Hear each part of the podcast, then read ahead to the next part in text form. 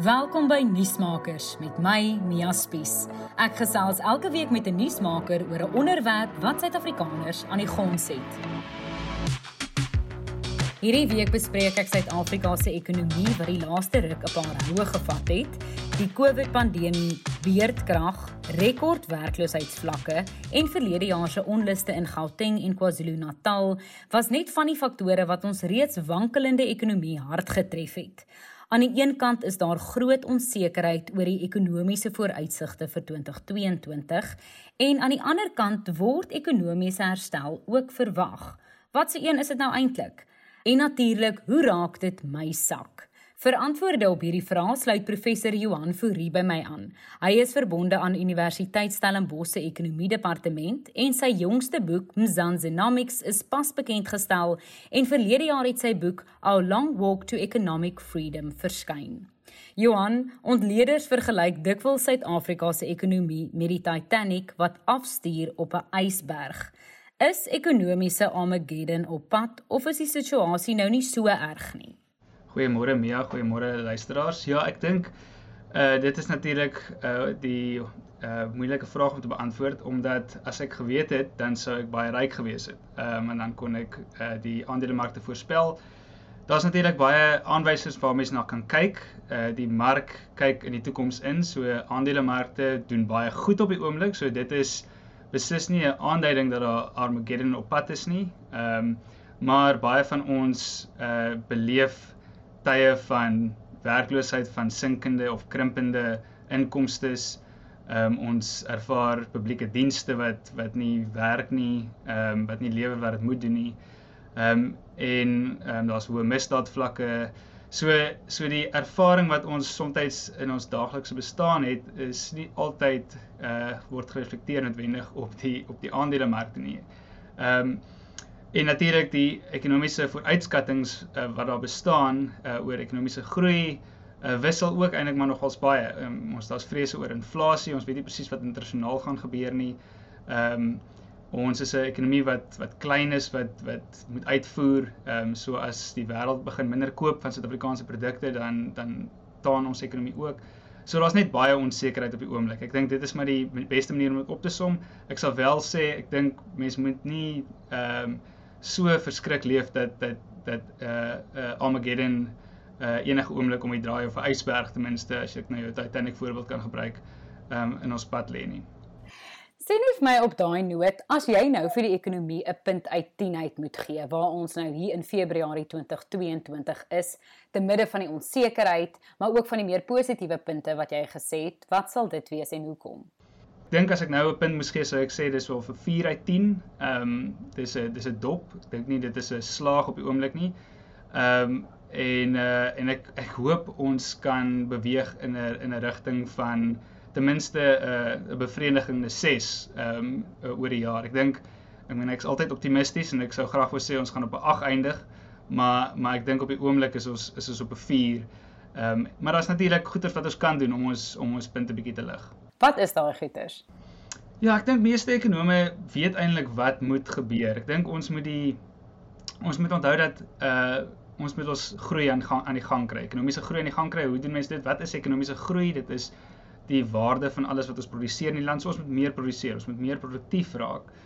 Um, ons moet mense in die werk kry. So jy moet dit makliker maak vir die mense wat goed produseer om dit te kan doen. Om mense aan te stel ehm um, wat inkomste uh, opstoot, wat belasting natuurlik opstoot. Ehm um, en op die oomblik voel dit vir my ons dink aan baie wetgewing om eintlik daardie wat daardie uh produktiewe elemente, die entrepreneurs, die firmas uh knielter. Ehm um, so ons dink heeltyd ons sit uh, addisionele arbeidswetgewing op. Ons het nou ek het nou weer gesien ons het uh, die minimumloon verhoog. Nou ek dink baie van hierdie ehm um, wetgewing ehm um, het goeie doelwitte maar op die einde van die dag maak dit net die entrepreneurs se se werk moeiliker. Ehm um, ek praat nou nie eers van van beerdkrag wat natuurlik verder uh uh firmas se vermoë om te produseer belemmer nie. Ehm um, so daar's net baie goed wat wat ons ons sukkel om aan die gang te kom. Ehm um, en en dit het ongelukkig dink ek soort van politieke oorsake. Daar's weer sprake dat daar weer kan onluste wees. So dit verhoog net weer eens besighede se risiko om sake te doen wat versekeringspremies opstoot. Uh mense sal minder geneig wees om te belê. Um, ons gaan minder internasionale beleggings trek. Ehm um, so ek dink ek dink as ons daai goeders net kan kan begin aanspreek en, en ongelukkig is dit maak nie saak wat ekonomie sê nie, dit is maar op die eind op die uiteinde uh die politiek wat moet saamspeel um, om dit te maak werk. Het vroeër genoem oor president Cyril Ramaphosa. Is natuurlik aan die stuur van hierdie um skip van ons. Um dink jy ons het die regte persoon of hy is die regte persoon daar in die plek en dat mens daai verbeteringe kan sien dat ons van die 4 na die 6 of die 8 kan gaan? En hoe lank sal dit moontlik kan neem voordat hy hierdie hierdie boot kan omdraai? Ja, ek wonder nou as ek nou as ek nou as jy my die vraag 2 jaar terug gevra het, sou ek beslis meer optimisties gewees het. Ehm um, of selfs 4 jaar terug toe hy president geword het. Ehm um, en ons het almal baie hoë verwagtinge gehad.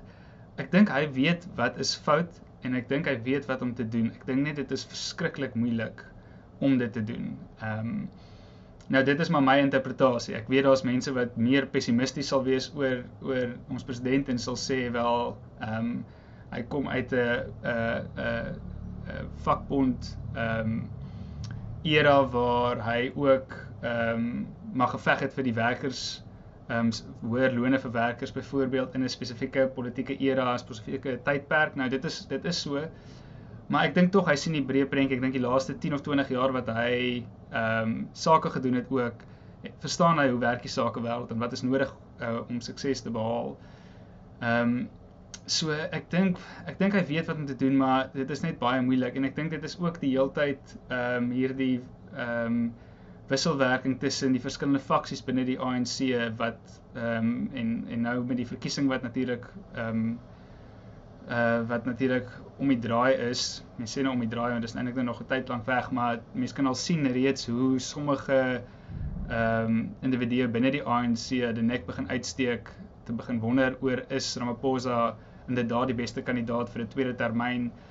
So hy gaan daai vure die hele tyd moet blus en dit gaan sy aandag wegneem van uh natuurlik die ekonomiese transformasie wat hy in in ekonomiese beleid wat hy moet dit werk stel. En hy gaan die hele tyd daai mense ook moet bevredig. Daai daai faksies wat wat vir meer populistiese beleid veg. So ek dink mense sal mense sal moet sien of Suid-Afrika inderdaad 'n basiese inkomste toelaag byvoorbeeld gaan instel of ons dit regtig kan bekostig. Dit sal eintlik eers duidelik word met die met die begrotingsrede aan die einde van Februarie. Ehm um, maar maar sulke beleid neem ons verder weg dink ek van die van die tipe beleid wat nodig is om ons 'n meer produktiewe samelewing te maak. Jy het nou gepraat van die begrotingsrede wat later hierdie maand plaasvind. Dit is natuurlik die minister van Finansies Ina Godongwana se eerste begrotingsrede. Wat dink jy gaan die fokus wees of wat dink jy behoort die fokus te wees? Ja, daar is twee uiteenlopende vrae. Ek dink wat gaan die fokus wees? Daar is verskriklik baie druk op die minister om 'n uh, tipe basiese inkomste toelaag te gee. Te so dit is basies om te sê elke Suid-Afrikaanse burger kry 'n uh, X bedrag per maand as toelaag. Nou ehm um, dit is 'n gedagte wat nou al lank al ehm um, wêreldwyd al ehm um, kom saam saamkom. Uh dit is natuurlik net 'n baie duur tipe beleid om vir almal 'n maandelikse R500 of R1000 te betaal is is verskriklik duur. Ehm um, ek ek sal verras wees as dit as as hy dit afkondig. Ehm um, ek dink net Suid-Afrika se tans daar waar ons nie regtig ons nie werklik dit kan bekostig nie. Ehm um, al al doen jy al is jy hoe kreatief met jou so rekeningkunde van die van die staatsfinansies, ek dink dit is dis baie moeilik om te betaal. So ek ek's baie nuuskierig om te sien wat hy daaroor gaan sê. Miskien is daar die plan om dit in 'n langer termyn of 'n medium langer termyn te doen en hy hulle sal dan uh hy sal dit soort van afkondig. Ehm um, bietjie om die om daai faksie binne die ANC weer eens gelukkig te hou. Uh maar ek sou verras wees as dit 'n 'n soort van korttermyn ehm um, uh beleid word. Wat moet gebeur? Ag, ek dink daar kan mens bietjie na die langer termyn kyk. Ek het nou net gesê ons moet ons moet dink oor hoe om Suid-Afrika meer produktief te maak.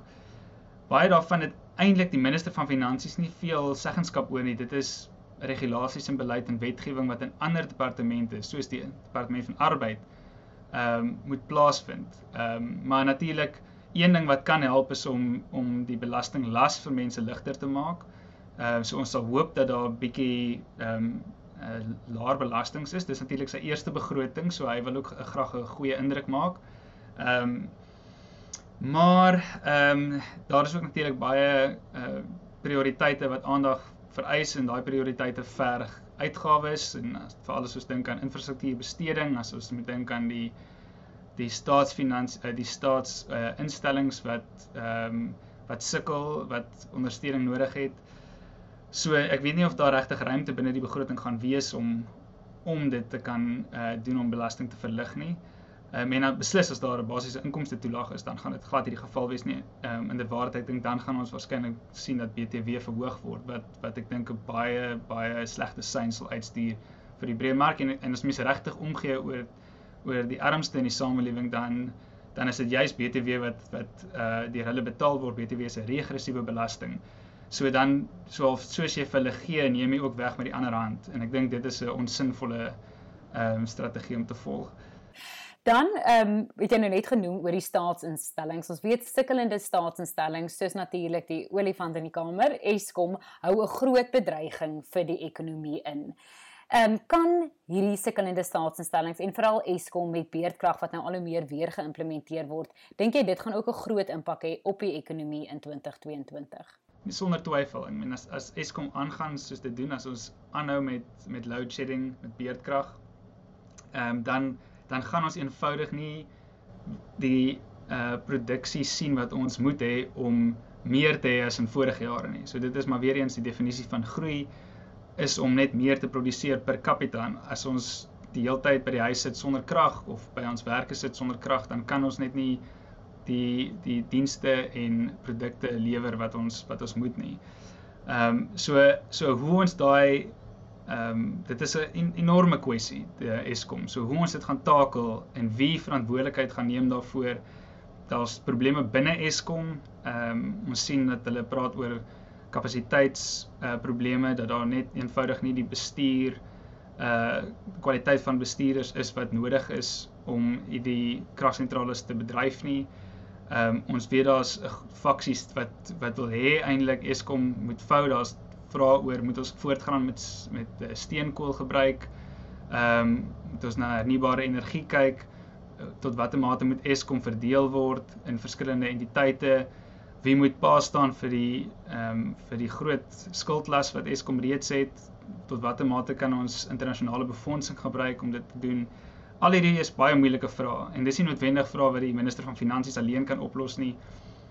Ehm um, en tot watter mate die staats uh kas nog steeds kan betaal vir uh vir dienste wat baie keer nie eens gelewer word of produkte ten minste wat nie gelewer word nie. Ek dink dit is uh dit is 'n baie moeilike vraag en en dit verg politieke wil en ek's nie heeltemal seker daai politieke wil is daar van uit, uit in alle oorde nie. Ek dink ehm um, daar's beslis mense wat graag wil sien dat dit werk, maar daar's daar's ook die wat wat waarskynlik ehm um, uh ander ander doelstellings of prioriteite het.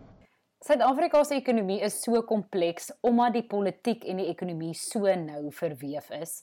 In jou boek Mzansi Nomics Understanding the South African Economy praat jy ook meer hieroor. Vertel ons net van ja, net baie mense verstaan dit nog steeds nie. Jy het nou natuurlik 'n hele boek daaroor uitgegee. Hierdie komplekse ekonomie van ons, die net ja, wat jy wat jy agtergekom het eh, met die met die saamstel en die skryf van hierdie boek. Hoe uiters kompleks ons ekonomie is. Ja, dankie die ehm uh, ek dink die om net iets oor die boek dalk te sê is die doel van die boek is om vir gewone mense 'n uh, maklike gids te gee oor wat die ekonomie is. Wat ek agterkom is hoe meer ek met mense gesels oor die ekonomie, mense het soort van 'n verstaan ehm um, dat wel dit het dalk iets te doen met die aandelebeurs of dit het dalk iets te doen met die geldmarkte of uh, mense assosieer tipies ekonomie met geld so hulle dink tipies ekonomie is baie ryk wat 'n groot fout is natuurlik wat hulle maak maar eintlik is ekonomie die wetenskap van besluitneming ehm um, en geld is maar figureer eintlik maar net in in een of twee so of subdissiplines van van ekonomie so die idee hier is om regtig die breër makro-ekonomie tipies van Suid-Afrika te verduidelik. So hoe werk dit as ons praat van inflasie byvoorbeeld? Wat wat is inflasie? Hoe meet mense inflasie? Wat is groei? Hoe meet ons dit? Hoe werk 'n mark? As ek praat van die biermark, wat is dit? Ehm um, as ons praat van die makro-ekonomie byvoorbeeld, wat is wat waaruit bestaan dit? So dis 'n baie eenvoudige gids. Mense kan dink daaraan 'n soort van 'n handboek, maar dis nie 'n handboek wat ek dink sou voorgeskryf word nie. Dis meer 'n gids wat jy het op jou rak en as iemand vir jou sê, "O, okay, goed, verduidelik vir my ek meen ek het dit baie keer nodig selfs as ekonom kan ek nie presies onthou okay goed hoe hoe bereken ons nou groei oor 5 jaar nie? Dan is daar 'n lekker formulietjie wat hier in staan wat sê o oh, okay dis hoe jy dit doen. Of as ek as mense sal sê o oh, verduidelik vir ons wat beteken die breë werkloosheidskoers. Dan moet ek nou eers gaan dink okay goed wat is dit? En dan die boek verduidelik presies wat dit wat dit is wat dit behels. So daar's daar's hierdie basiese goed internasionale handel, ekonomiese groei, monetêre beleid, wat is dit? Ehm um, en dan dan fokus op die einde van die boek ons ook oor armoede, hoe meet ons dit? Hoe meet ons werkloosheid? Hoe meet ons ongelykheid? Ehm um, en hoe wat is die tipe beleidsmeganismes of instrumente wat mens kan gebruik? Ehm um, so ek sou dink ek meen ek sou baie graag dat die boek ten minste beskikbaar moet wees vir elke regeringsamptenaar. Jy het nou genoem die politiek en die ekonomie is baie nou verweef en dit is inderdaad waar in my ervaring met politici is dat hulle kennis van ekonomie is baie beperk. Ehm um, so ek sou dink so 'n boek sal verskriklik handig wees in die hande van politici net om te verstaan, okay, as ons nou dink oor arbeidsbeleid, sê net maar die minimumloon, wat moet ons in ag neem? So dit word bespreek in die boek in 'n baie eenvoudige formaat. Ons doen dit in in soort van vrae, so elke hoofstuk of elke afdeling binne die binne 'n hoofstuk begin met 'n vraag en en dan ehm um, spreek ons dit aan. So ek moet sê my mede-outeur is Philip Moore. Hy skryf nou al vir 30, 40 jaar lank ehm um, handboeke, ekonomie, ekonomie handboeke en ek het nou op die op die span gekom om bietjie die eh, 'n uh, vroeër weergawe van die boek ehm um, op te dateer met nuwe inligting. Ons praat so 'n bietjie oor cryptocurrencies byvoorbeeld. So dis nou van die nuwe goed wat bygekom het. Ehm um, en ek dink dit is 'n lekker handleiding vir mense wat ehm um, wat iets meer wil verstaan as jy nou nie ekonomie 1 het nie uh, maar jy wil wil iets meer weet oor hoe dit werk dan dan dan sal die boek dit vir jou gee. Ek seker 'n paar joernaliste wil dit ook onder oë hê vir die begrotingsrede later hierdie maand. Johan, jy het gepraat van terme en kwessies wat jy ook in jou boek verduidelik vir gewone Suid-Afrikaners, ietsie soos inflasie, rentekoerse, al daai dinge wat ons in die media van lees. Wat dink jy is twee of drie terme wat verskriklik belangrik is wat mense moet verstaan? Ek dink baie keer voel mense jy hoef nie die ekonomie te verstaan nie, dit het nie 'n direkte impak op my nie, maar dit het tog 'n impak op die prys van kos wat jy koop, lenings wat jy aangaan vir voertuie of vir huise. Wat sou jy sê is 'n paar wat jy moet weet, die rentekoers gaan op. Jy moet kennis neem daarvan. Dit is belangrik vir jou eie sak. Daar's goed soos rentekoerse. Hoekom hoe werk 'n rentekoers? Hoekom word 'n rentekoers gelig? En wat is die effek van 'n rentekoers? En hoe werk jy byvoorbeeld uit wat is jou maandelikse rentekoers uh spandering as die rentekoers sou styg of daal? So So daar's 'n paar ons probeer soveel as moontlik wegbly van formules in die boek. Daar's hier en daar 'n formulietjie. Daar's hier en daar 'n grafiek net om vir mense wat nou nog nooit voorheen lekker verstaan het wat beteken vraag en aanbod en hoekom hou ekonomie so baie van vraag en aanbod nie. Ons het so 'n eenvoudige vraag en aanbod grafiek net om te sê dis hoe dit werk en dit is die goed wat dit kan skuif die die vraag of aanbod. Uh, maar ek dink die vir my die die mees belangrike ene eintlik wel miskien is daar twee is is die konsep van ekonomiese groei. So ons almal gebruik dit ekonomiese groei. Ons sê ja, die groei was dit, die groei was dat, maar ons het nie werklike verstaan oor hoekom die ekonomie groei of wat dit beteken as ons sê daar is ekonomiese groei of dat vir al die idee net van kumulatiewe groei. So die ongelooflike ehm um, impak om te sê ons het 'n 2% groei koers teenoor ons het 'n 3% groei koers. So laat ek dalk een ding verduidelik. So daar's hierdie reël van 72 wat ons verduidelik in die boek. So, ehm um, as men die reël van 72 sê eenvoudig jy kan die groei koers vat, jy kan 72 vat, jy deel die groei koers daardie deel en dit gee vir jou die hoeveelheid jaar wat dit gaan vat om jou inkomste te verdubbel. So as jy ehm um, teen 2% groei as 'n land, kom ons sê Suid-Afrika groei teen 2%, dan gaan dit 72 deel 2, dit gaan 36 jaar vat vir die gemiddelde Suid-Afrikaner om sy inkomste, sy reële inkomste om te verdubbel. Ehm um, maar kom ons sê jy's 'n land soos China wat teen 10% groei, dan is dit 72 deur 10, so dit gaan net 7 jaar vat vir jou om jou inkomste te verdubbel. So dis waar vir die die mag van Dis 'n eenvoudige sommetjie om te doen, maar dit wys net die mag van van 'n uh, kumulatiewe groei. Hoe belangrik die verskil tussen 2% en 10% is. En jy kan nou gaan rondspeel met 2 en 3 en 4 en 5 en um, net om 'n idee te kry. Ehm um, so as ons praat van 'n land wat vinnig groei soos China of Indië, ehm um, daai 8 of 10% waarteen hulle groei is geweldig ehm um, magtig teenoor Suid-Afrika se 1 2%. Wat beteken ons gaan net baie langer vat om mense uit armoede uit te lig. Hoe raak daai ekonomiese groei nou 'n voorbeeld? Hoe raak dit my? Ehm um, hoe raak dit iemand by die huis? Hoeveel persent die land groei? Ja. Dit is dit is ja, dit is ook dit is 'n great vraag. Ek moet dit eintlik meer beter aan aanspreek. Ek dink die idee dat ekonomiese groei is daar buite hierdie ding so of vir die mistiese ding wat daar bestaan en maar hierso gaan ek aan met my wêreld. Dit is dis ehm um, baie algemeen. Ons moet net onthou, I mean weer eens die definisie kom altyd terug by die definisie. Wat is ekonomiese groei? Dis die totale waarde van alle goedere en dienste wat binne 'n jaar binne Suid-Afrika geproduseer word. So jou inkomste is deel van ekonomiese die die BBP, uh, bruto binnelandse produk en die toename in BBP is ekonomiese groei. So as jou as BBP groei beteken dit, kom ons sê BBP groei met 5%, dan beteken dit die gemiddelde Suid-Afrikaner het sy inkomste het hierdie jaar in reële terme met 5% ehm um, toegeneem. So dit beteken die land boer vooruit. As ek dit nou swaaf in in eenvoudige terme kan sê, as jy dit teen 1% groei beteken dit dit jou inkomste is nou maar jou reële die goed wat jy kan koop. Jy kan dit so ook dalk dink die goed wat jy kan koop neem met 1% toe.